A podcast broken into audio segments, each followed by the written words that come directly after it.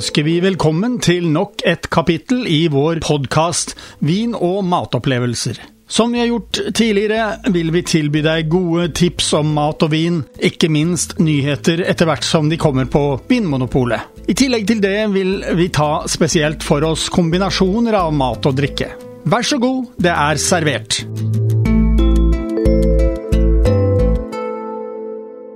Nå er det snart 17. mai. Selv om det er meldt om polarluft inn fra nord, så får vi håpe det beste.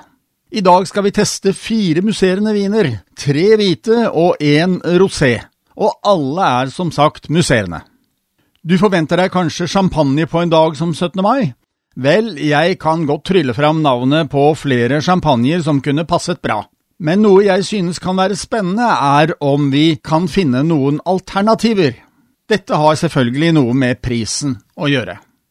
Den første jeg vil prøve, er en Vagek QV Sekt Extra Brut. Det står at den er fra 2010, så da får vi tro på det.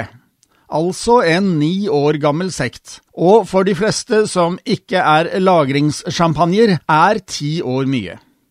Den kommer fra Tyskland, nærmere bestemt Fals. Og hvor er nå Fals?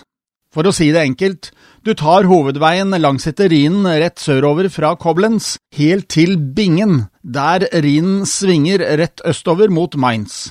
Der kjører du imidlertid fortsatt sørover, og så er du der, etter en stund. Vi er altså midt inne på det europeiske kontinentet, og det er mange gode viner som kommer fra dette området. Her holder blant annet Weingut Wagek til, og har drevet vingård her i fem generasjoner. Foruten stillviner lager de også sekt, som det heter i Tyskland. Den vinen vi har foran oss nå, er laget av to druer. Den ene er ikke så ukjent for meg, spetburgunder, som de kaller pinot noir i Tyskland. Den andre derimot er oppgitt til å være Schwarz Riesling. Den druen har jeg ikke hørt om tidligere, men ved litt research fant jeg ut at det var det samme som Pinot Munier i Frankrike. Dette er en drue som gjerne brukes til musserende viner, champagner i Frankrike. Og den vinen vi har her er en tørr vin med lite restsukker og rikelig med syre. Den har god friskhet og fylde, på smaken har du eplepreg av modne, gule epler, og den hadde lang ettersmak. Så hva kan vi bruke denne vinen til, da? Ja, den er selvsagt god på terrassen. I tillegg er den god til fisk og skalldyr. Noen sier også spekeskinke. Det bør prøves. Denne vinen lages ved at den lagres først på 225 liters vinfat i seks måneder, før den tappes over på flasker. Deretter ligger den og godgjør seg i 90 måneder i kjelleren. Siden vinen blir liggende i til sammen åtte år på lager, betyr det at den vil koste litt mer enn andre. Men sammenlignet med en fransk champagne blir det omtrent halve prisen, på 190 kroner. Vi kan si at prisen blir omtrent som en fransk kremant. Du får den på bestillingsutvalget, og bruker du det effektivt, vil du ha mange viner å velge mellom. Den neste vinen vi har foran oss nå, er også hvit, men vi har forflyttet oss til Portugal. Dette er en Bruto de Portugal Espumante de Vino Verde fra 2017. Det er en endruevin av druen Loreira, som er en tradisjonell vindrue fra Vino Verde-området. Så hvor finner vi det? Jo da, da følger du kysten nordover fra Lisboa til byen Porto. Der renner elven Doro ut i Atlanterhavet, og nord for Porto, opp mot den spanske grensen, ligger vinområdet Vino Verde. Området er det største vinområdet i Portugal, og Loreiro er en av druene de benytter her og de gir oss ganske lette viner med et friskt, fruktig preg. Hos noen produsenter kan druen aromamessig være veldig enkel om produsenten ønsker noe nesten anonymt, men i bedre viner eh, dukker appelsinblomster, akasieblomster, appelsiner, fersken eller grapefrukttoner gjerne opp. I denne vinen har produsenten fått fram appelsin og andre sitrusdufter. Her har vi en tørr, frisk, fruktig, musserende vin med fyldig smak. Men som jeg har vært inne på tidligere, serverer du den med for høy temperatur, vil den føles sødmefull. Selv om den etter min definisjon er en tørr vin, har den mer restsukker enn de øvrige vi har foran oss på bordet. Så dette med temperatur er viktig. I utgangspunktet vil dette være en drikkevin, altså god på terrassen, men den er også anbefalt til både fisk og skalldyr. Den koster 140 kroner, og du får den på bestillingsutvalget.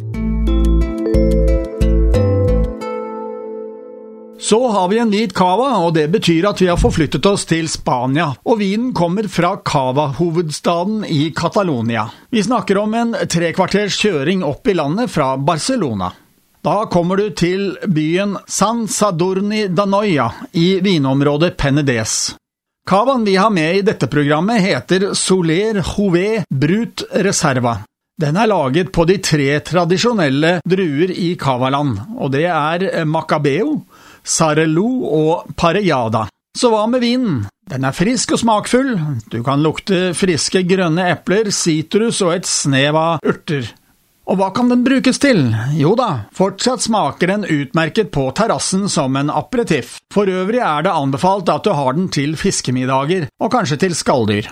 Rundt 95% av cavaen produseres i Penedès-området.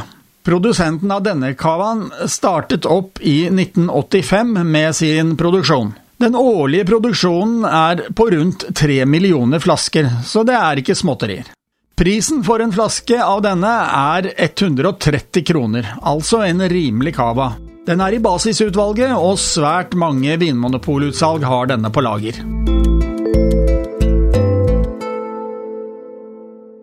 Og så er vi på rosé. Foran meg nå har jeg en flaske Charles de Fer Cremant Gira, og i tillegg er den Brut rosé som det står på etiketten. Musserende viner fra Jura-området har jeg omtalt tidligere, og disse liker jeg fortsatt like godt. Og hvis noen lurer på hvor Jura-området ligger, så kan du reise sørøst for Champagne til du kommer til grensen mot Sveits. Da er du der. Faktisk kommer denne produsenten fra utkanten av byen Reims i Champagne. Produsenten startet opp i 1980 og har derfor nå holdt på i 40 år.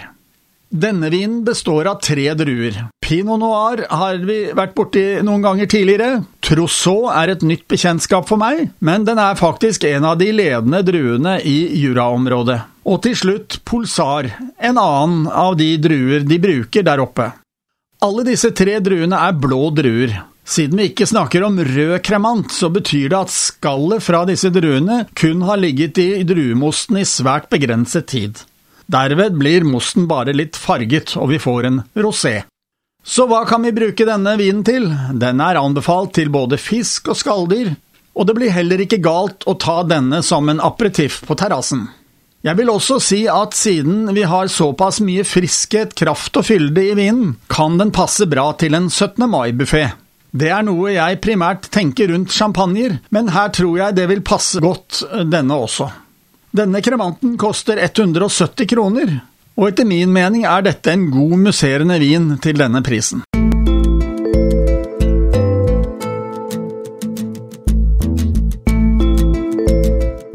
Du fått dagens podkast fra Radio Riks Oslo om mat og vin. Hvis du ønsker å abonnere på den, slik at du får den automatisk når nye blir lagt ut, kan du gjøre det.